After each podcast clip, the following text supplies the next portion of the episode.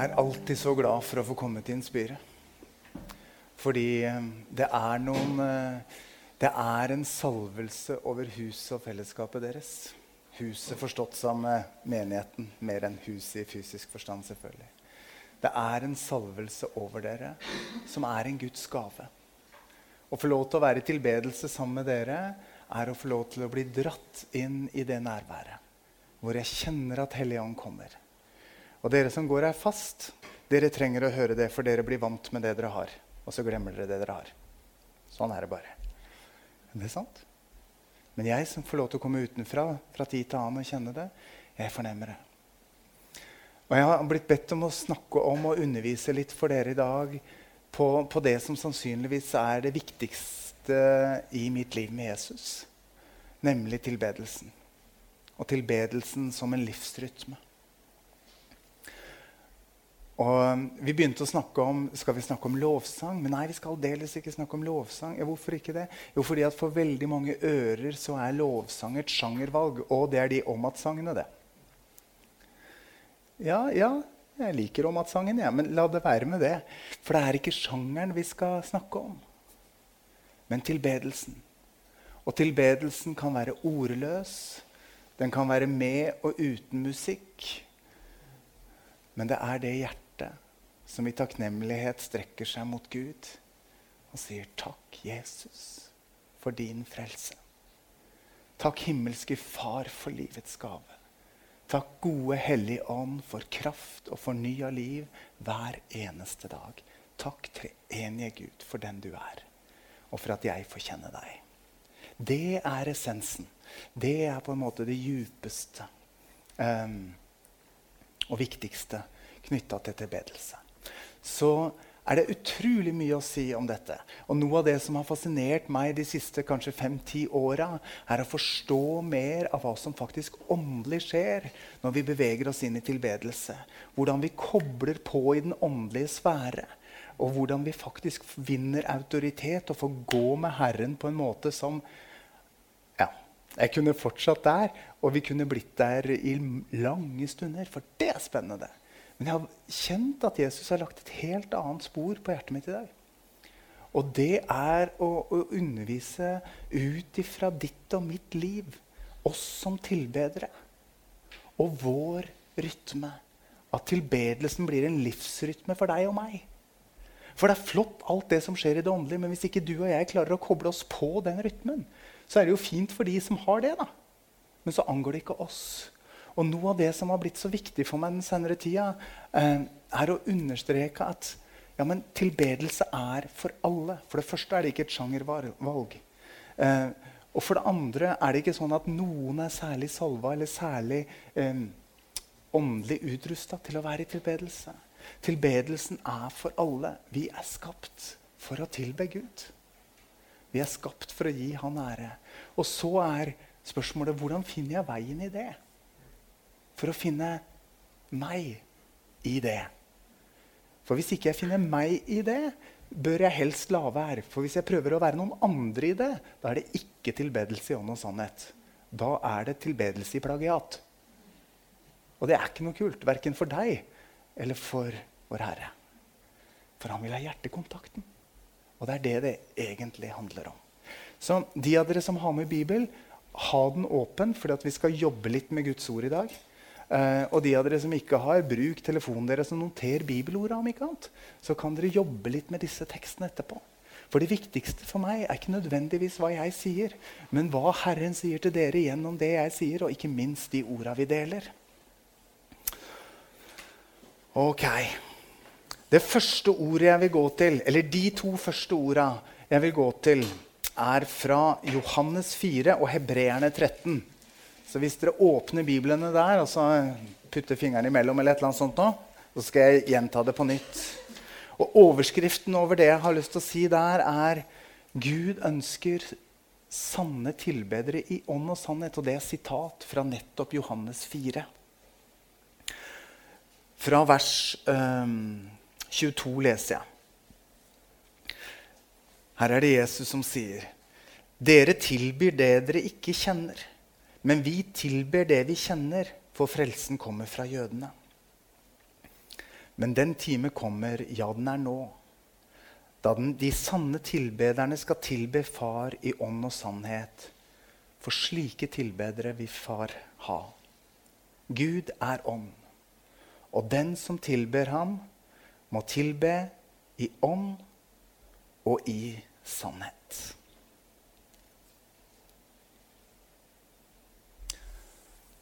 Sanne tilbedere i ånd og sannhet. Det å tilbe er noe vi er i stand til først når vi har fått Den hellige ånd og tatt imot troen på Jesus Kristus. Men allerede før vi har blitt troende, så er de aller fleste av oss tilbedere på et eller annet nivå. Bare tenk hvor tankene dine oftest går. Bare tenk hva du oftest har fokus på. Hva er det som fyller eh, mye av ditt liv og din tanke? Det vi gir fokus og oppmerksomhet, det ber vi. Og det vi gir fokus og oppmerksomhet, gir vi innflytelse i våre liv. Helt allment. Sånn er det bare. Hva er viktig for deg? Et veldig enkelt eksempel. Når man er forelska, så er det bare jenta eller gutten som er i tanken. hva? Vi tilber ikke den vi er forelska i. Men det er nesten. Vi forguder vedkommende, i hvert fall gjør vi ikke det. Vi elsker hvert øyeblikk vi er sammen. Vi tenker og drømmer fram til neste gang vi skal være sammen. Og vi syns vi kan kjenne lukten av og, Skjønner du? Ja? Dere kjenner det litt igjen? Dere har ikke blitt for gamle til å huske det? Nei. nei. Sånn er det å være forelska. Og det skjer noe der, og det går helt av seg sjøl. Det er ingen av oss som bestemmer oss for å ha det fokuset. Det bare er der. Noen ganger i mitt liv med Jesus så har jeg fått lov til å være der. Hvor hans kjærlighet og hans nærvær har fått lov til å beta meg, gripe meg på en sånn måte at jeg bare elsker å være der. Det var i en sesong på, ikke minst på Gulset i Skien. Nå har jeg venner fra Gulset her. Eh, hvor Den hellige ånd bare kom over denne kirka og ungdomsarbeidet og oss som sto i lovsang. Og det var sånn at Arbeidsdagen den var fra formiddag til ettermiddag. Og så var det kveldsmøtene, og når kveldsmøtene var ferdig klokka ti, så møtte jeg ungdommen i kjerka. Og så hang vi over flygelet fra ti og til tolv. Til ett, kanskje. Og av og til enda seinere. Hvorfor? Fordi at Gud hadde grepet hjertene våre. Og det var en reell forelskelsestilstand. Det er sant som er ikke mulig å skille veldig hva som skjer i relasjon til Gud der, og det som skjer helt allment i en forelskelse. Vi bare trekkes inn. Og vi kunne stå time etter time etter time i den ene sangstrofa. I want more, I want more of you. I want more, I want more of you. Og hver gang vi sang det, så kom Den hellige ånd med en ny bølge. Og så sto vi der. Så tok vi imot, og så ble hele oss virkelig grepet. Så fortsatte vi. I want more, I want more of you. Og Gud svarte. Åh, for en tid! Og jeg har tenkt tilbake det er jo, Jeg vet ikke om noen av dere som er gift, har tenkt tilbake til den tida dere var forelska. Tenkte det var mye mer saftig Nei, unnskyld. Ikke gå inn der! Ikke gå inn der. Jo, jo, men, men, det er noe sånn, da. Ikke sant? At det er noen tider som er den derre tida fylt av en sweetness. va? Og der hadde jeg en sånn. Jeg har fått smake det etterpå. For all del. Men der var det noe helt særskilt. En nådetid fra Gud. Og hvis dere ønsker å ha det, eller hvis dere har erfart det, så hold fast på det som en skatt. Jeg fikk lov til å erfare det Jeg tror etter bare Hjertet hadde vært fylt av mer av å erfare mer av Gud lenge. Og så besvarte Gud bønnene i et fellesskap. Og det var fantastisk. Da var det Den hellige ånd som tok i vei med hjertene våre og forma tilbedelsen. Og det var ingen av oss som planla eller hadde satt oss noe fore i det hele tatt. Det gikk helt av seg sjøl. Men hva, hva når det ikke er sånn? Hva når du kommer inn på et møte, eller du setter på en lovsang-CD hjemme, og det er så knusktørt at det knirker Noen som har vært der noen gang? Det hender. Det var en sånn sterk, sterk åpning med en tørr kvist i dag. Ja, ja, ja men det var godt, det, Kristine, for vi kjenner oss igjen i det av og til. Det er deilig med den der eh, dragningen i forelskelsestilstanden og kraften og susen og brusen. Men, men veldig mange dager er på det andre sporet, hvor det er knusktørt. Hva da? Hva gjør vi da? Ja, da er det ordet fra Johannes 4 like sant og viktig. Tilbedere i ånd og sannhet. For slike tilbedere vil Faderen ha. Det å komme også fra den plassen og løfte blikket mot Jesus i tilbedelse Jeg skal komme mer inn på hvordan vi gjør det. Men Jesus vil ha sannhet fra oss. For hvis vi prøver å dra oss selv til en annen plass enn der vi er, så er vi ikke sanne mot oss sjøl, og vi er heller ikke sanne mot noen andre. Tenk noen du har prøvd å bygge en relasjon til, og som du kjente du hadde et behov for å eh, prestere litt overfor. Du måtte liksom ta på deg finutgaven av deg sjøl når du møtte den personen. Ble det en bra relasjon? Nei, det ble ikke det. vet du. For det du egentlig gjorde, det var å fake. Du var ikke deg sjøl. Og hvis vi prøver å bygge en relasjon til Jesus med å ta på oss finutgaven av oss sjøl, den åndelige utgaven av oss sjøl, så er det min opplevelse Nå blir jeg veldig bilder, men det er sånn jeg kan beskrive tilbedelsen. da. Mange ganger når jeg har prøvd det, så har jeg opplevelsen av at Jesus står igjen på en løktestolpe litt lenger baki der. Og så i min virkelighet så, så, har han strå i munnen og er litt sånn Litt, den, litt attitude. Og så spør han når er det du skulle våkne opp, Morten? og komme tilbake til den du faktisk er. Og henge med meg ut ifra der du er. For der du er, der er jeg. Ok. Det er mye nåde i det der. Å få lov til å komme inn i bønn og tilbedelse ut ifra akkurat der du er. Og slippe å late som. Og så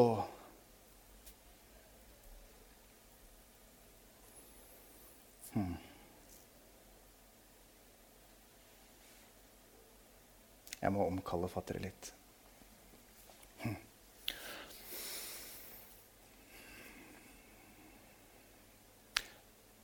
For når Jesus ønsker sanne tilbedere i ånd og sannhet, så vil han virkelig ha vår oppmerksomhet og vårt fokus.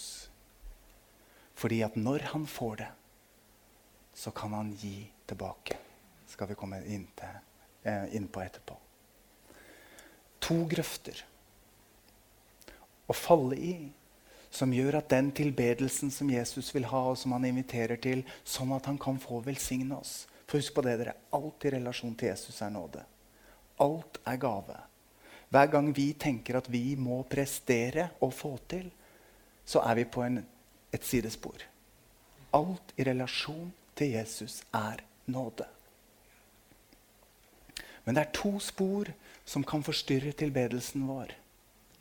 Og Det ene er på de dagene hvor livet er så godt at hele vårt indre er fylt av den nye hytta vi har kjøpt. Ta-da! Eller båten vi skal legge på vannet. Eller kjæresten eller kona. Eller barna som lykkes. Eller hva det enn måtte være som, som vi er takknemlige for. Er dere med? Og vi er helt der. Og så går vi inn i tilbedelsen og sier vi 'Takk, Jesus, for'. Men hvor er fokuset vårt? Ja, de er på alle gavene hans. På barna som lykkes, på hytta vi skal ha, på båten som skal ha på vannet. på... Så sier Jesus, 'Hei, jeg er her' med hele meg. Og jeg har gitt meg selv for deg, og jeg vil gi av meg for til deg nok en gang. Men akkurat nå er det ikke plass hos deg til å ta imot noe som helst. For alt du har fokus på, og alt du er fylt av, er det jeg allerede har gitt deg, og det du har, og det du eier. Det er positivt. Vi er takknemlige. Men fokuset vårt er djupest sett på oss sjøl og vårt eget, og ikke på Han. Er dere med? Den andre grøfta, det er når livet virkelig er prøva. Og vi kjenner at det virkelig er utfordringer i livet vårt. Så kommer vi inn i bønnen og tilbedelsen, men alt vårt indre er fylt av, er vår egen klage. Vår egen smerte. Og ingen anklage. Det er veldig menneskelig. Men hvis vi bruker tilbedelsen vår og lovsangstunda vår til bare å stå der og meditere over vår egen smerte, så er det nettopp det vi gjør. Og så går vi glipp av Han som sier at han er en soloppgang over vårt liv. Og som faktisk har til hensikt å gi himmelsk lys over det som er våre liv og våre omstendigheter. Han som ingenting er umulig for. Han som sier om oss at alt makter vi i ham som gjør oss sterk. Men da må vi faktisk koble hjertet på, sånn at vi kobler på han og blir i han.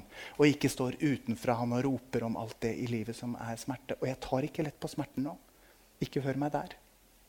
Men hvis vi blir stående der, så blir bønnen og tilbedelsen en meditasjon over det som er vanskelig i livet vårt.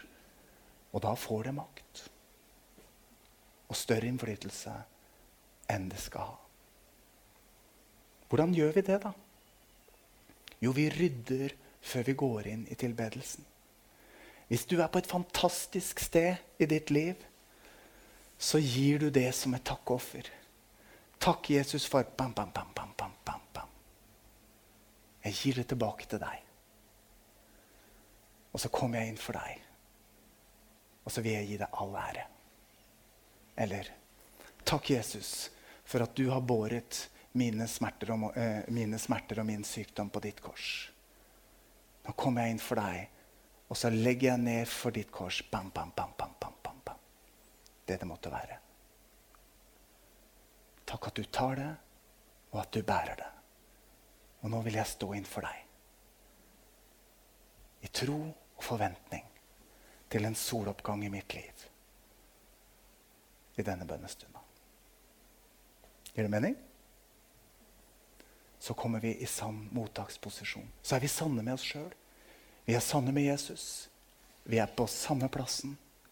Og derfra kan mye skje i bønnen og i tilbedelsen.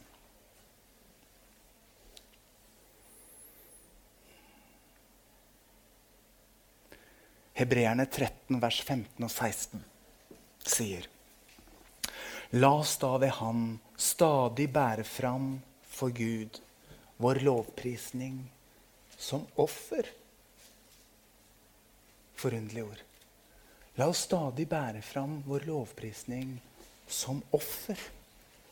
Så kommer forklaringa rett etter komma. Det vil si frukten av lepper som bekjenner hans navn.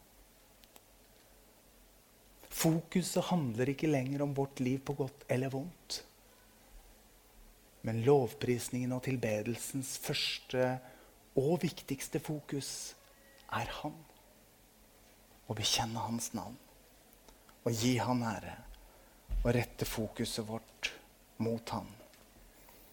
Tilbedelsen og bønnens fokus og utgangspunkt er ikke vårt liv der vi er, og hvordan vi har det. Men det er hvem han er, hva han har gjort, og hva han vil gjøre. Våre liv og våre dager skifter dere. Men han er for evig den samme. Guds ord sier det.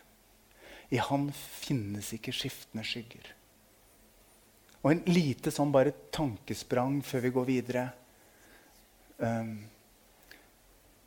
som hjelper oss til å få tanken vekka opp, og som understreker det jeg nettopp nå har sagt. Hvis vi, til, hvis vi bare finner det greit og lett å tilbe Herren på våre solskinnsdager Mens når vi har våre regnværsdager, da blir det helt umulig for oss. For hvor er Gud midt i det som gjør vondt for meg? Vi har vært der noen ganger. Gud, hvordan kan du? Husk på det.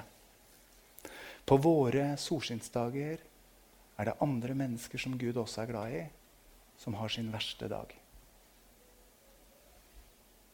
På våre regnværsdager er det noen rundt på denne kloden som er Guds barn, som har sin beste dag og takker Gud for hans trofasthet. Er dere med? Derfor er det helt umulig at temperaturmåleren og utgangspunktet for vår tilbedelse skal være hvor er vi i vårt liv?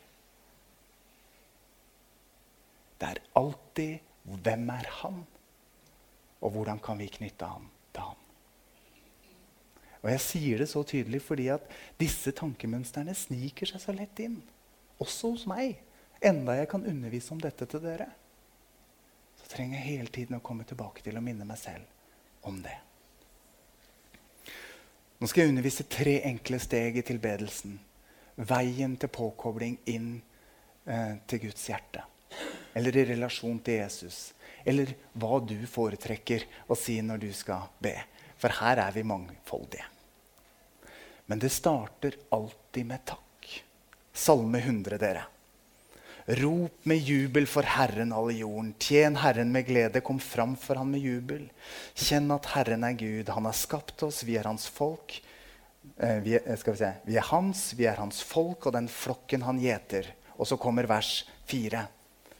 Kom gjennom portene hans med takkesang. Inn i forgårdene med lovsang. Lov ham og velsign hans navn. Og dere hører det er tempelet som liksom er illustrasjonen i bakgrunnen. Kom inn i hans forgårder. Det var dit, men ikke lenger. De fleste kom i gammel tid. Men det var allikevel symbolet på å få lov til å komme inn i nærværet. Så sier altså Guds ord her at det å få lov til å komme gjennom portene inn til hans nærvær, det får vi lov til gjennom takk.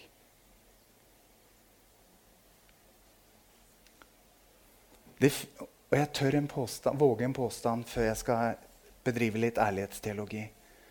Det fins ikke noen omstendigheter som er så ille at ikke vi kan finne noe å takke Gud for. Så hvis omstendighetene dine virkelig er prøva, ja, hold fast i den ene lille biten, da. Som du fremdeles klarer å eie og gi ham takk for.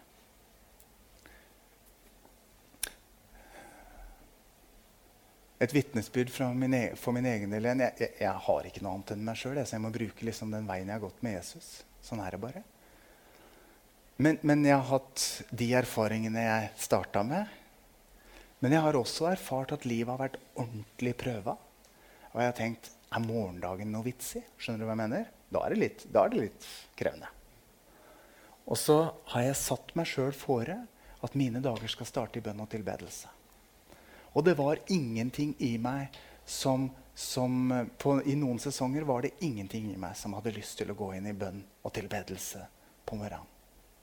Og jeg hørte meg selv si 'Takk, Jesus'. Og så tenkte jeg 'For en hykler du er'. For en dust du er. Hva, bærer, hva skal dette være godt for? Det, det, øh, takken liksom satte seg fast på tunga. Det var som et eller annet som Skjønner du? Jeg håper jeg klarer å beskrive det for dere. Hva i all verden er dette? Nei, gå inn gjennom hans porter med takkesang. Takk, Jesus. Takk, Jesus.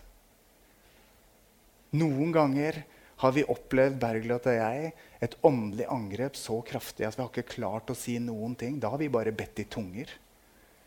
Inntil vi har klart å skifte til takk. Takk, Jesus. Og idet vi kommer til takk, Jesus, så er det sånn poff, så er det et eller annet som må slippe. Du trenger ikke si 'takk, Jesus', for, men du kan si 'takk, Jesus'. Og så er det som om porten åpner seg. De av dere som liker litt sånn fabelhistorier, sånn, har sett sånne filmer sant, hvor du bare har nøkkelord, og så åpner den usynlige porten, så er du der. Ja, men Det er et deilig bilde på akkurat dette. Fordi det handler ikke om at vi blir tatt ut av hva vi er, og inn i noe annet. Men det handler om at vi får en adgang gjennom en port som gjør at hans virkelighet blir tilgjengelig der vi er. Det er evangeliet. Det handler ikke om at vi skal opp til noe annet, men det handler om at vi skal få tilgang her vi er, på det som allerede er gjort tilgjengelig for oss i Jesus Kristus. Og takken bringer oss inn. takken bringer oss inn. Så slipper vi å fornekte våre liv. Vi kan være hele og sanne i våre liv. På godt eller på vondt. Men så begynner vi i takken. Og da er det viktig å velge sanger også, da, hvis det er tilbedelsen vi er i.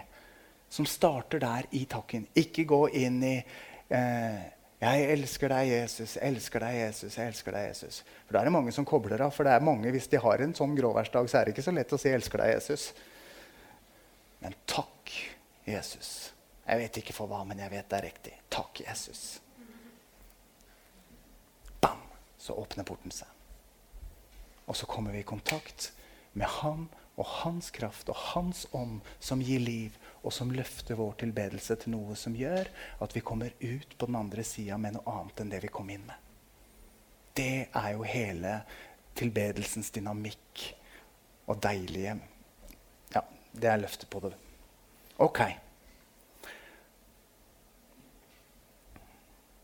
Å få koble oss på livsstrømmen hvor Jesu fred og Jesu kjærlighet og Jesu kraft får lov til å piple inn i vårt liv er noe av tilbedelsens kjerne. Og det starter i takk. Og så går det over i proklamasjonene. Eller lovprisningen. Sangen som Ann-Kristin eh, sang på repeat etter, etter mitt spørsmål, eh, er jo nettopp en proklamasjonssang. Som sier noe om hva Jesus er. Hva Jesus har gjort. Og der kan vi gå i vår tilbedelse òg Enten den er med musikk, eller den er bare med ord og er mer som en bønn. Eller den er ordløs, og vi bare tenker. Så går vi der. Takk, Jesus, for korset. Takk for oppstandelse fra de døde. Takk for evig liv. Takk for syndenes forlatelse. Takk for legedom. Takk for helbredelsens kraft i mitt liv. Takk for profetien som har talt livgivende ord inn i mitt liv. Og så begynner vi å proklamere sannhet. Kanskje fortsatt i takk, eller at vi switcher til proklamasjonen om hvem Jesus i sannhet er.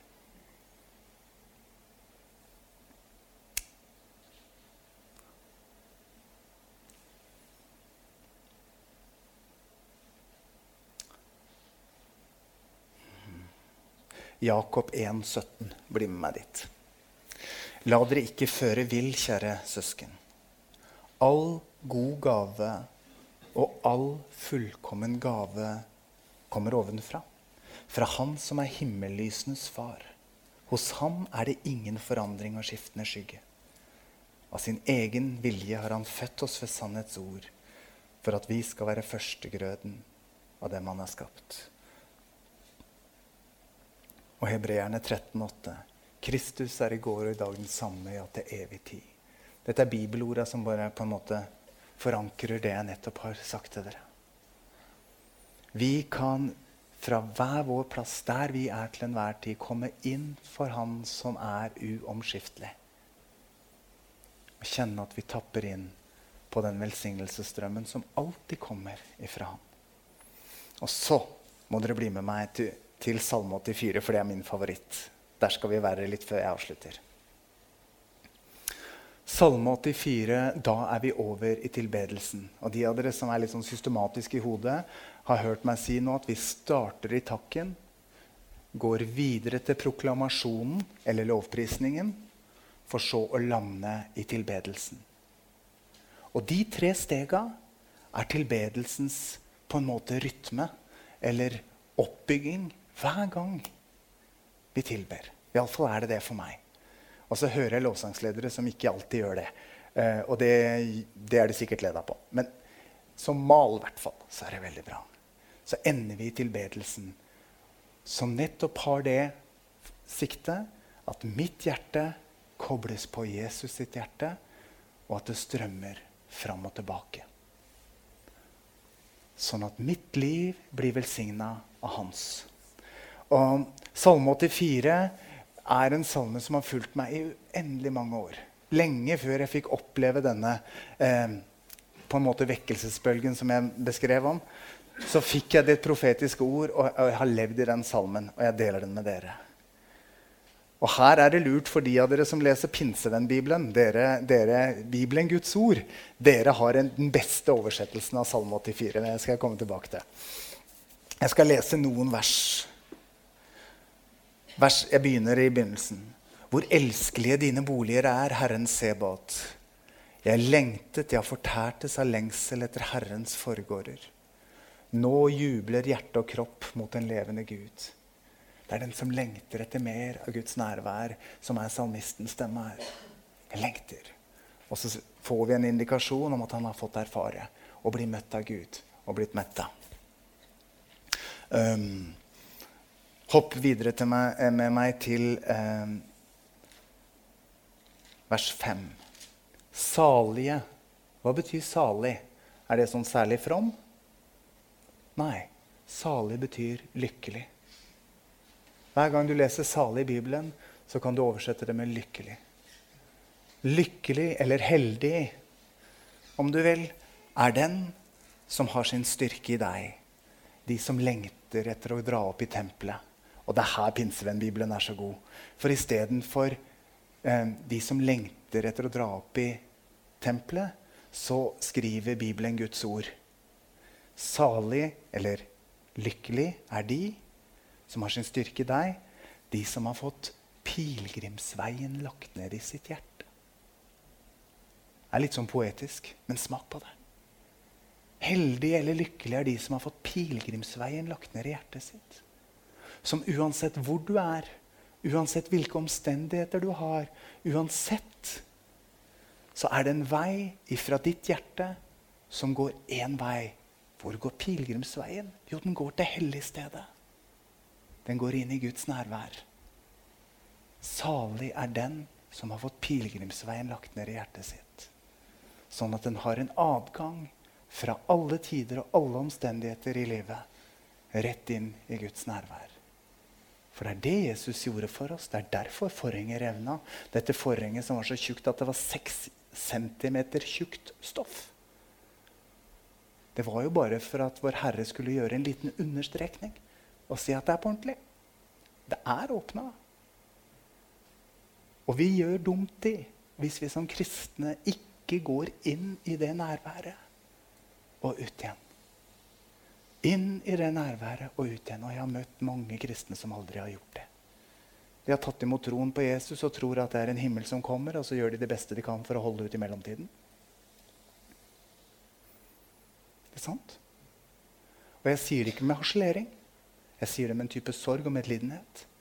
Fordi det er ment for oss å skulle leve i den pendelen og gå inn i hans nærvær og bli velsigna, utrusta og fylt. Og så ut igjen. Og det sier denne salmen rett nedenfor. Hør her på vers 7 og 8. Det er flotte vers. Når de drar gjennom Bakkatrærnes dal, eller Tåredalen, sier noen bibeloversettelser når de går gjennom de landskapa, de passasjene i livet eller de omstendighetene som er fylt av sorg og smerte og utfordring.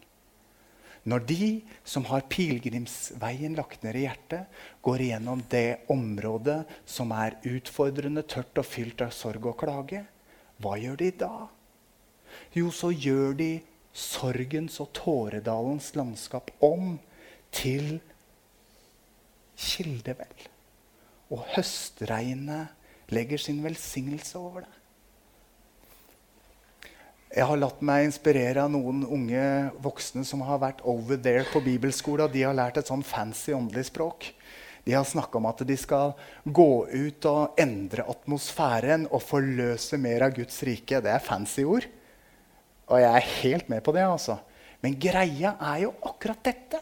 Det har vært i Bibelen bestandig at når Guds folk, som er fylt av hans kraft og hans ånd, og som stadig går inn i hans nærvær, sånn at det som er sant i himmelen, blir gjort tilgjengelig for dem Når de folka går ut på steder hvor det langt ifra lukter himmel, så forvandles de omstendighetene til himmel. fordi at lyset blir aldri tatt av mørket. Mørket viker alltid for lyset. Det er lovmessighet. Er dere med? Og det står her i salmen, og det har med tilbedelse å gjøre. Og Det er derfor det står i vers 8 de går fra kraft til kraft inntil de trer fram på Sion.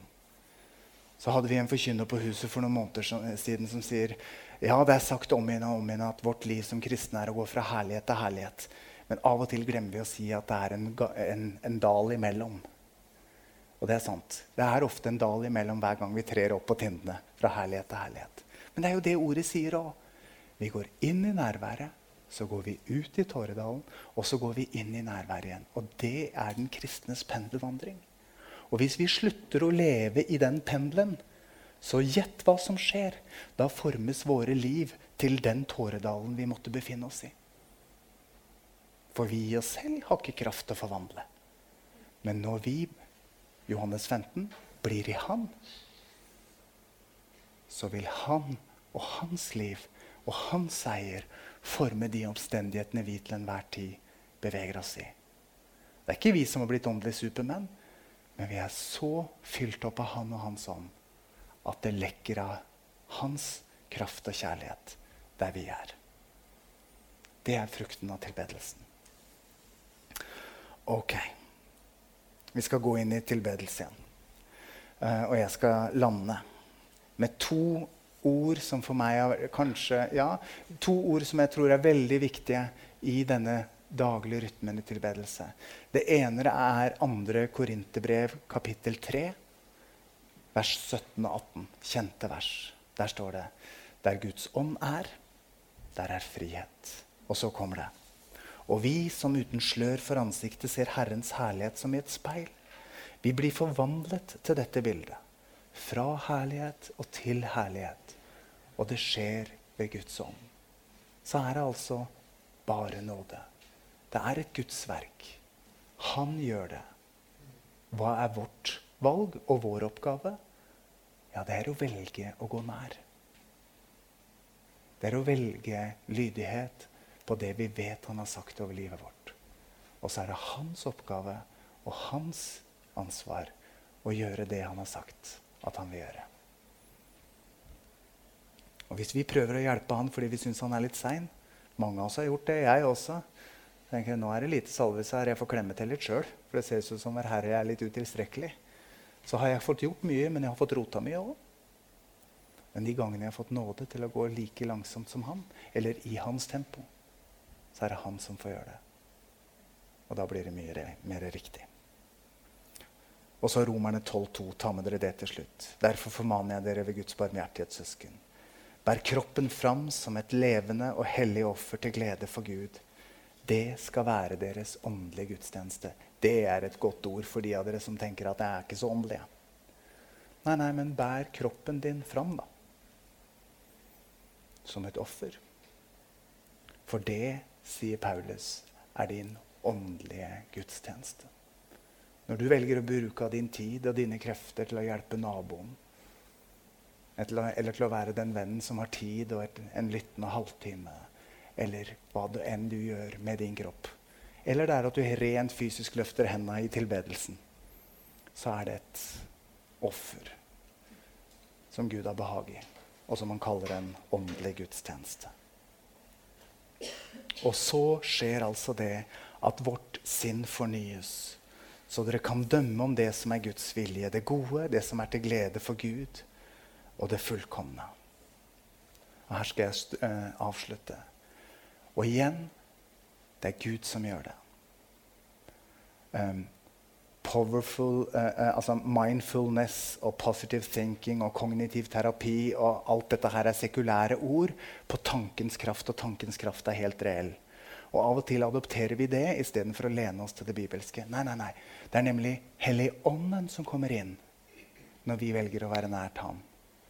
Som fornyer og forvandler vårt sinn, sånn at vi tenker Hans tanker. Og når vi ved Åndens hjelp tenker Hans tanker, så skjer akkurat den samme logikken som all sekulær tenkning som jeg nettopp ramsa opp, også har erfart. Når vi tenker riktig, så handler vi riktig. Og så går vi inn i velsignelse. Men det er veldig forskjell på om det er vi som skal tenke de riktige tankene, eller om det er Den hellige ånd som får prege våre tanker. For vet du hva jeg har oppdaga? Jeg har oppdaga at det er en viss forskjell på Guds tanker og mine. Jeg har hatt en del tanker hvor jeg tenker at nå er det bare én ting å gjøre, og det er dette.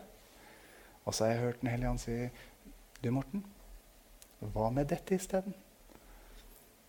Så jeg tenkt ikke tale om. Det virker som den dårligste ideen i verden. Ja, men hvis jeg sier det, da?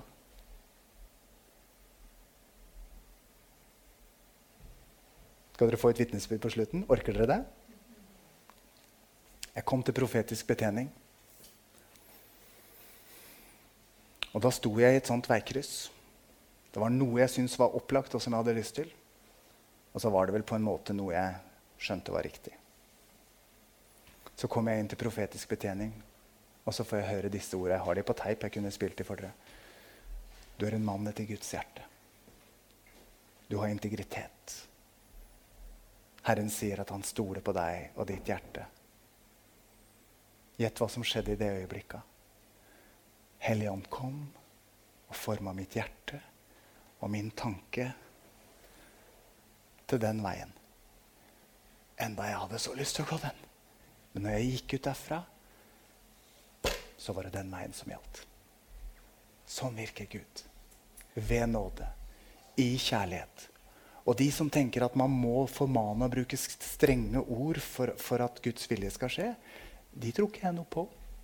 For jeg har erfart at Gud med mildhet og med kjærlighet og med anerkjennende ord har leda mitt liv på den gode veien og avverga den vonde.